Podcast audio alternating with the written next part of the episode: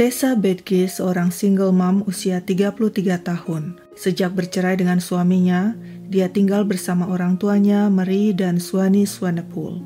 Mereka hidup sederhana di kawasan Margate yang terletak di pantai timur Afrika Selatan. Untuk biaya hidup sehari-hari, Tessa bergantung pada orang tuanya. Pekerjaannya tidak menghasilkan income besar, Sebab itu ketika suatu hari dia mendapatkan SMS dari seorang kenalan yang menawarkan pekerjaan, Tessa menanggapi dengan antusias. Sebenarnya sudah cukup lama dia tidak bertemu dan berbicara dengan temannya itu. Dulu ketika masih bersuami, Tessa berkenalan dengan wanita bernama Cheryl Quelle itu. Anak-anak mereka juga sering bermain bersama. Cheryl Quelle seorang pejabat.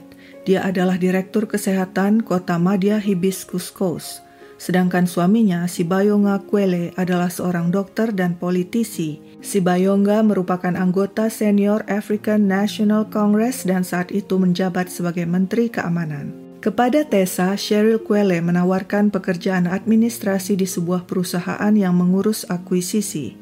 Perusahaan tersebut membutuhkan tenaga administrasi selama kurang lebih dua minggu di London, Inggris. Jika Tessa berminat, Cheryl mengusulkan agar mereka bertemu. Karena pekerjaan itu tampak serius dan membutuhkan traveling ke luar negeri, Tessa mengajak kedua orang tuanya, Marie dan Swani Swanepoel, mengantarnya ke kantor Cheryl untuk wawancara dan bertemu dengan wanita itu. Semua terlihat menjanjikan. Cheryl meyakinkan Tessa dan orang tuanya pekerjaan itu merupakan kesempatan baik untuk Tessa dengan gaji sebesar 12.000 rand. Tessa yang didukung oleh orang tuanya akhirnya menerima pekerjaan itu. Cheryl Quelle berjanji akan mempersiapkan semua urusan keberangkatan Tessa ke London, termasuk tiket pesawat. Selama persiapan keberangkatan, Cheryl dan Tessa rutin berkirim SMS dan email. Cheryl, si istri menteri, mengatakan untuk persiapan, Tessa akan tinggal beberapa hari di Johannesburg atau Joburg. Di sana, Tessa akan dijemput Frank, adik Cheryl, yang selanjutnya akan mengurus keberangkatannya ke London. Sebelum berangkat, Cheryl memberi uang kepada Tessa juga mantel bermotif macan tutul yang menurut Cheryl merupakan mantel keberuntungannya. Dia berpesan agar Tessa selalu memakai mantel itu dan jangan bicara dengan siapa pun selama di perjalanan. Sepertinya Tessa tidak curiga dan tidak bertanya lebih lanjut tentang aturan-aturan aneh yang diterapkan Cheryl Quelle. Pada 14 Mei 2008, Tessa pun berangkat ke Johannesburg dengan tiket sekali jalan. Setiba di Bandara Joburg, seperti yang sudah dijanjikan, Tessa dijemput Frank, adik Cheryl Quelle. Frank berpenampilan rapi, dari sikap dan cara berbicara tampak berpendidikan. Namun Tessa sempat heran mendengar aksen Frank yang berbeda dengan Cheryl padahal mereka kakak beradik. Frank mengantar Tessa menginap di sebuah motel murah di lingkungan yang kurang nyaman. Menurut Frank, Tessa harus menunggu beberapa hari sementara Frank mengurus visanya ke Inggris. Seminggu Tessa menunggu-nunggu, tapi tidak ada tanda-tanda dia bakalan berangkat ke London. Frank malah mengatakan Tessa akan ditugaskan ke Panama City. Saat Tessa protes, dia seharusnya bekerja di London sesuai janji. Frank menegaskan posisi di London sudah diisi orang lain. Tessa lalu menghubungi orang tuanya.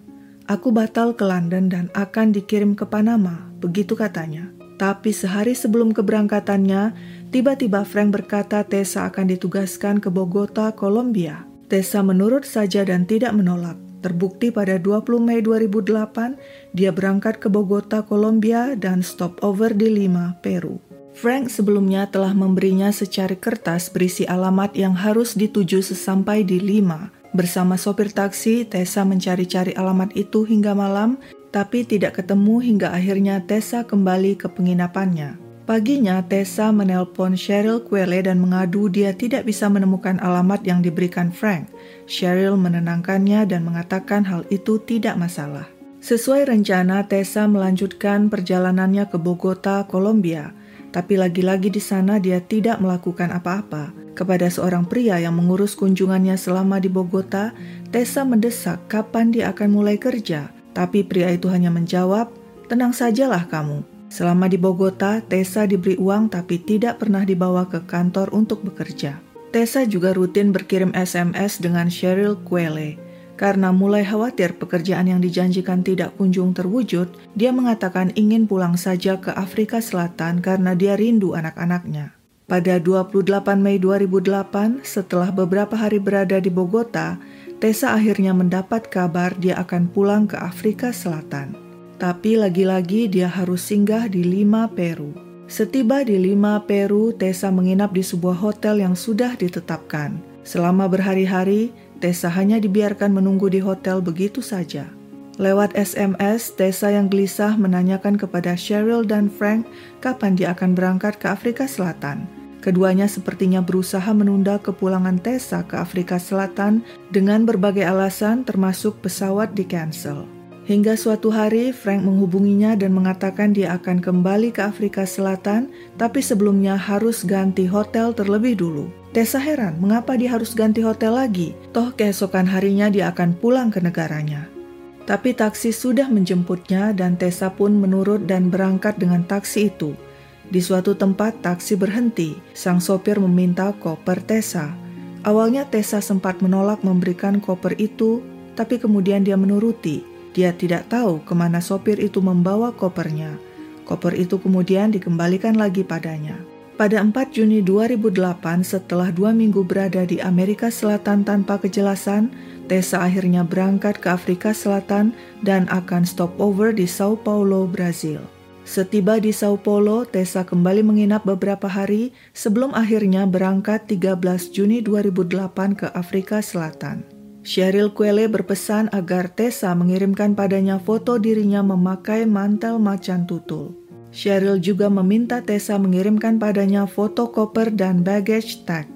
Dan pesan terakhir adalah, sesampainya di Johannesburg, Afrika Selatan, Tessa tidak perlu mengambil kopernya karena akan ada orang yang mengambil koper tersebut. Saat Tessa check-in di counter South African Airways di Bandara Sao Paulo, tiba-tiba beberapa petugas mendatanginya dan membawanya ke sebuah ruangan.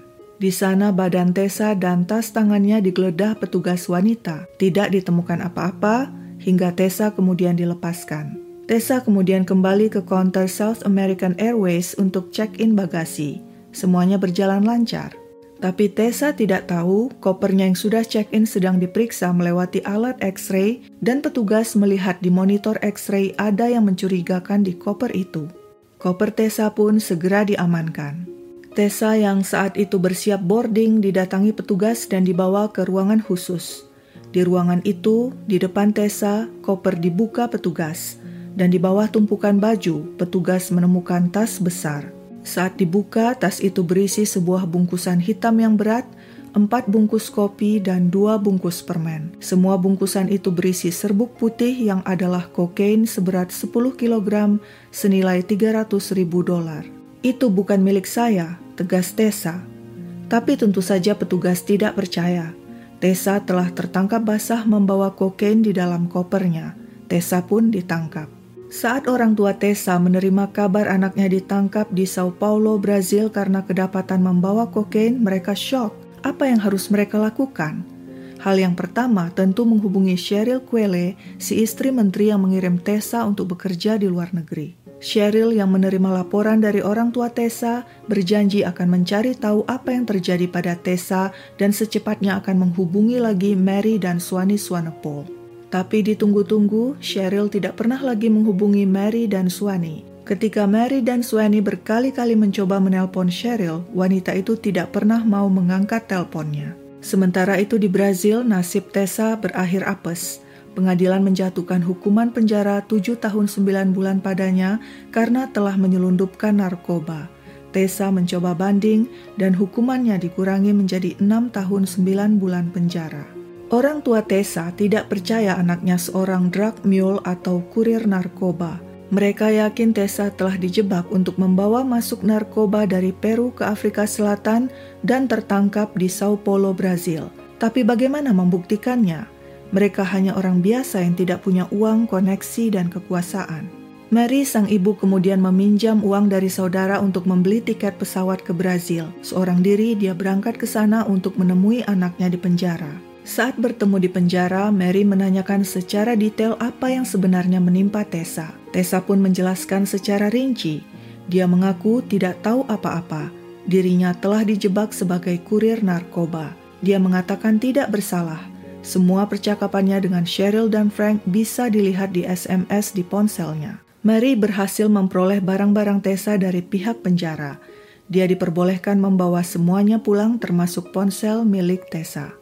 Setiba di Afrika Selatan, siang malam Mary dan Swanee mempelajari percakapan antara anaknya dengan Cheryl Quelle dan Frank yang tertera di SMS dan email.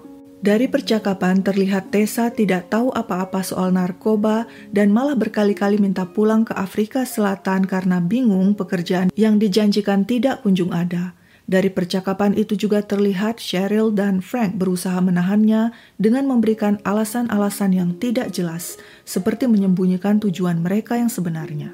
Berbekal bukti SMS dan email di ponsel Tessa, Mary lalu melapor ke polisi. Mary pintar, dia tidak melapor ke polisi di wilayah tempat tinggal Cheryl Quelle karena dia tahu Cheryl adalah pejabat dan istri menteri yang pasti punya koneksi dengan polisi dan orang penting lainnya di wilayahnya. Mary malah melapor ke polisi Fishhook di Cape Town sekitar dua jam naik pesawat dari tempat tinggalnya di Margate. Kebetulan dia memiliki saudara yang tinggal di sana. Polisi menerima laporan Mary tapi tidak bertindak apa-apa. Akhirnya, Mary memutuskan menghubungi media cetak dan menyampaikan kasus yang menimpa anaknya, Tessa Bitke. Pada 15 Maret 2009, kasus ditangkapnya Tessa, warga negara Afrika Selatan yang jadi kurir narkoba di Brazil, jadi headline di media Afrika Selatan. Tentu saja berita ini menggemparkan negara itu karena melibatkan Cheryl Quelle, istri Menteri Keamanan. Tidak ada yang menyangka istri seorang menteri ternyata bagian dari sindikat narkoba. Karena kasus ini kemudian menjadi besar, polisi yang tadinya diam saja ikut-ikutan bergerak cepat tanpa diminta. Mereka menghubungi kembali keluarga Swanepoel dan meminta ponsel Tessa untuk diinvestigasi. Penyidikan kasus ini terus bergulir hingga akhirnya polisi menemukan cukup bukti untuk menyeret Cheryl Quelle dan Frank ke meja hijau. Pada Oktober 2010, pengadilan kasus ini diliput luas oleh media Afrika Selatan. Di persidangan dibeberkan komunikasi SMS dan email antara Tessa dengan Cheryl Quelle dan Frank. Dalam komunikasi itu terlihat Tessa tidak tahu dirinya akan dijadikan kurir narkoba. Dia terlihat khawatir karena ketidakjelasan pekerjaan administrasi yang ditawarkan padanya dan terkatung-katung selama beberapa lama di negara orang. Kekhawatiran itu tampak dari SMS Tessa yang berkali-kali minta pulang ke Afrika Selatan. Ternyata korban sindikat narkoba si istri menteri dan Frank bukan hanya Tessa. Seorang wanita bernama Charmaine Moss yang merupakan teman Cheryl Quelle bersaksi Cheryl pernah menawarinya pekerjaan di Turki pada saat yang hampir bersamaan dengan Tessa. Tapi saat bertemu Frank di Johannesburg, Charmaine mulai curiga karena saat dia melontarkan pertanyaan-pertanyaan detail pada Frank, lelaki itu tampak tidak suka dan malah menamparnya. Akhirnya, Charmaine membatalkan niatnya bekerja di Turki. Dan ternyata Frank bukanlah adik Cheryl. Dia seorang drug dealer warga Nigeria yang menetap di Afrika Selatan. Nama lengkapnya Frank Nabolisa. Di persidangan juga terungkap Cheryl Quelle memiliki tiga paspor berbeda dan sering bepergian ke luar negeri yang dicurigai untuk melakukan bisnis narkoba. Tapi sayangnya di persidangan saksi kunci yaitu Tessa Betke yang saat itu meringkuk di penjara Brazil tidak bisa hadir. Meski pemerintah Afrika Selatan telah meminta Tessa untuk diizinkan datang ke Afrika Selatan memberi kesaksian, pemerintah Brazil menolak karena khawatir Tessa akan bebas setiba di sana. Pemerintah Brazil hanya mengizinkan petugas yang menangkap Tessa untuk bersaksi di pengadilan Afrika Selatan. Petugas Brazil tetap meyakini Tessa adalah kurir narkoba, Menurut mereka, Tessa terlihat tenang saat diperiksa petugas, seolah dia tahu di koper miliknya memang ada narkoba.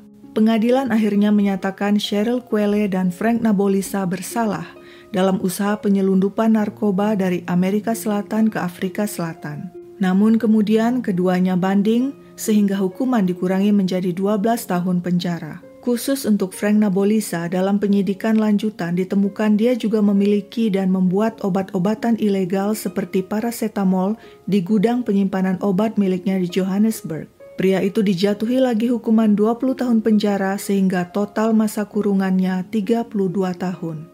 Pengadilan memuji sang ibu Marie Swanepoel yang menolak pasrah dan dengan gigih memperjuangkan kasus anaknya hingga akhirnya bisa membongkar kejahatan sindikat narkoba yang diotaki si istri menteri Cheryl Quelle dan Frank Nabolisa. Karena bekerja siang malam mengurus kasus anaknya, kesehatan Mary menurun. Pada 10 Oktober 2013, Mary pingsan dan dilarikan ke rumah sakit karena pendarahan usus. Mary mengalami koma dan tidak pernah sadarkan diri lagi hingga akhirnya meninggal dunia. Sang ibu tidak sempat melihat anaknya Tessa bebas dari penjara dan kembali ke Afrika Selatan. Pada 26 Maret 2014, lima bulan setelah ibunya meninggal, Tessa Betge dibebaskan setelah lima setengah tahun mendekam di balik bui. Meski dia tidak mendapat pengurangan hukuman yang berarti di Brazil, tapi berkat kegigihan ibunya Mary, nama Tessa berhasil dibersihkan dari tuduhan sebagai kurir narkoba, dan si ibu berhasil membongkar sindikat narkoba Afrika Selatan yang melibatkan si istri menteri Cheryl Quelle dan rekannya Frank Nabolisa. Saat tahu sang istri terlibat sindikat narkoba, sang suami si Bayongga Kwele, si Menteri Keamanan, menceraikannya pada tahun 2011. Tapi pihak oposisi menyerang sang Menteri Keamanan dan memintanya mundur dari jabatan. Mereka mencurigai keterlibatannya meski si Bayongga membantah hal itu. Pihak oposisi juga mempertanyakan kompetensi si Bayongga Kwele Bagaimana mungkin dia mampu menangani masalah keamanan negara jika sepak terjang istrinya terlibat sindikat narkoba saja dia tidak tahu? Namun kasus ini sepertinya tidak berdampak pada karir Sibayongga Kwele karena dia kembali diangkat sebagai Menteri Telekomunikasi dari 2014 hingga 2018 dan kemudian sebagai Menteri Dalam Negeri pada 2018 hingga 2019. Bagi Tessa Betge, kasus yang menimpanya tentu jadi pelajaran berharga bahwa perlu bersikap kritis saat menerima tawaran seseorang. Selain itu, jangan begitu saja menerima titipan orang tanpa mengetahui isi titipan itu. Dan seperti yang dilakukan ibunya Mary, jika merasa sebuah kasus penting macet meski sudah dilaporkan ke aparat, tidak ada salahnya minta bantuan media untuk menyebarluaskannya Siapa tahu dengan bantuan media, sebuah kasus bisa menemukan penyelesaian. Sekian dulu ceritaku, sampai jumpa di cerita lain.